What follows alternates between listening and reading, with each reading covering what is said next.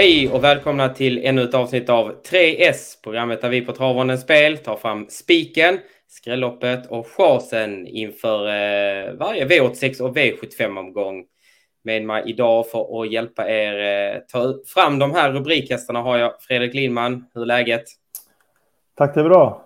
Jag börjar, håller på att återhämta mig här från, från helgen. Ja, det var väl en hel del att ta med sig där, men eh, vi ska inte ta för mycket i det här programmet. Men vi kan väl ta lite om vår spik här. Det var väl inget snack om saken. Diable de Vauvert. Nej, jag tycker nog att eh, jag vill nästan sticka ut hakan och säga att det var, det var helgens bästa häst. som, eh, vi fick se där, Diable de Vauvert. Ganska säker på att han hade spurt hem det här loppet på söndagen också. Eh, som du har kört i alla fall. Det var, det var mäktigt att se en, en, liksom en, en Prix d'Amérique-häst i, i Harpers där. Få se klasskillnaden på, på de hästarna och annat vi fått se på, på liksom europeisk mark. Ja, men precis. Precis. Men eh, som sagt, det här programmet, då blickar vi oftast framåt och vi har ju Bjerke här som väntar på onsdagens V86. Det är jackpot, det är 15 miljoner till en ensam vinnare, eller ATG beräknar det i alla fall. Så att eh, jag tycker vi kör direkt på spiken.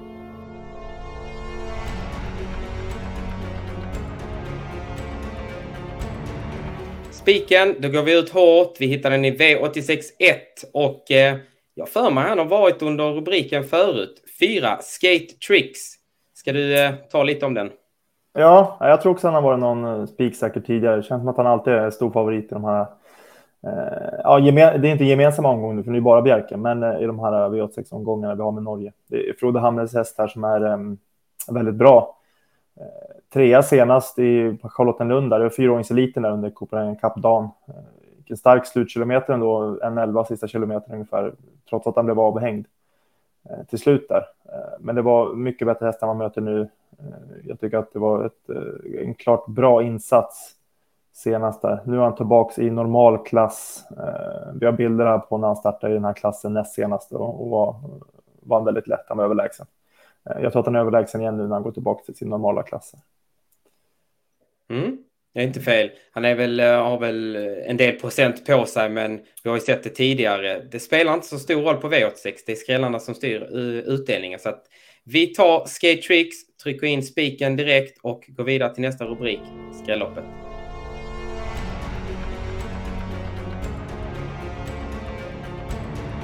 Skrälloppet hittar vi tre avdelningar längre fram, rättare sagt V86 4, där vi har två betrodda hästar i. Fem Livy Power och åtta Gentletron. Ja, eh, med tanke på att det här är skrälloppet så antar jag att det inte är de här vi helst ser först över linjen. Nej, som du säger så är det nästan bara de där två som är spelade där, 5-8. Eh, och båda de har ju lite knepiga lägen, det är lite vingelrisk på båda två och eftersom i princip ingen annan är spelad bakom så tycker jag att det luktar lite skräll här. Jag tycker att det är ganska jämn nivå faktiskt på det här loppet. Det är många eh, som är jämnbra och det är inte alls så att favoriterna kan gå ut och vinna det här loppet eh, liksom med strula inledningar. Det tror jag inte. Nej, ska vi ta upp någon som eh, vi tycker är alldeles för lite spelad? Ja, men de här V86-omgångarna brukar ofta handla om, om Frode Hamre och han har en häst i nummer sju här, Calhoun, som eh, vi har bilder här på när han öppnar eh, väldigt snabbt. Eh, han är snabb direkt när bilen släpper och eh, trots att han står på sju så tror jag att han kommer kunna eh, vara med och köra om de här positionerna längst fram i fältet. Och ehm, ja, men då tror jag han blir farlig faktiskt. Jag tyckte han hänger med bra senast, där lite tuffare gäng eh, från ryggledaren på en vettig tid där också. Så eh, lite enklare mot nu och sitter bra till direkt, nummer sju, eh, Calhoun. Det är sällan man får Frode Hamre till singelprocent. Precis, han brukar ha en tendens att kunna sätta dit någon sån här lågprocentare också. De omgångarna. Det brukar han vara skicklig med. Nästan skickligare på att sätta dit de där än, än favoriterna ibland. Mm. Vi hoppas på dubbelhamre helt enkelt. Och eh, går vidare till eh, nästa punkt. Och det är ju den läskigaste för oss här på Tipsters på Travande Spel. Det är chasen.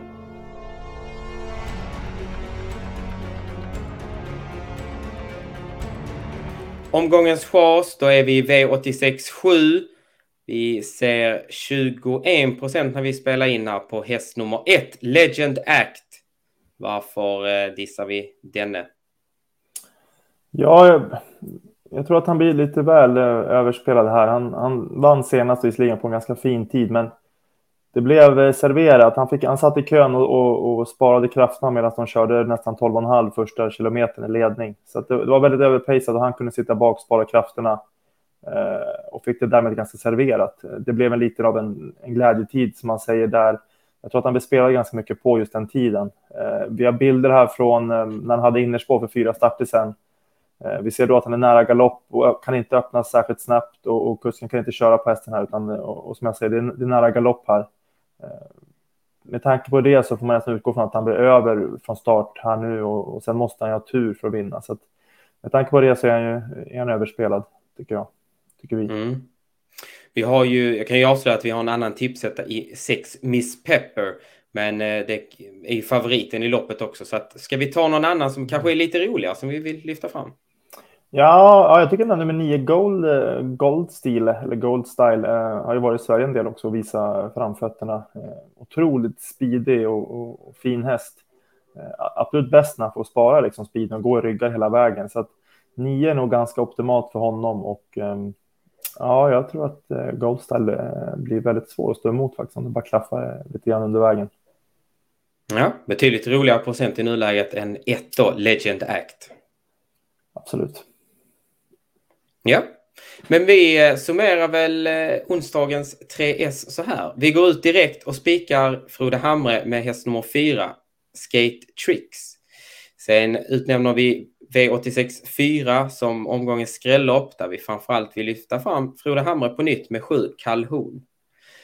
Sist har vi chansen och den hittar vi V86 7 där vi tycker att ett Legend Act eh, inte motsvarar det spelprocenten visar i chansvärdering. Så vi dissar helt enkelt Legend Act och vill istället lyfta fram 9 Gold Style.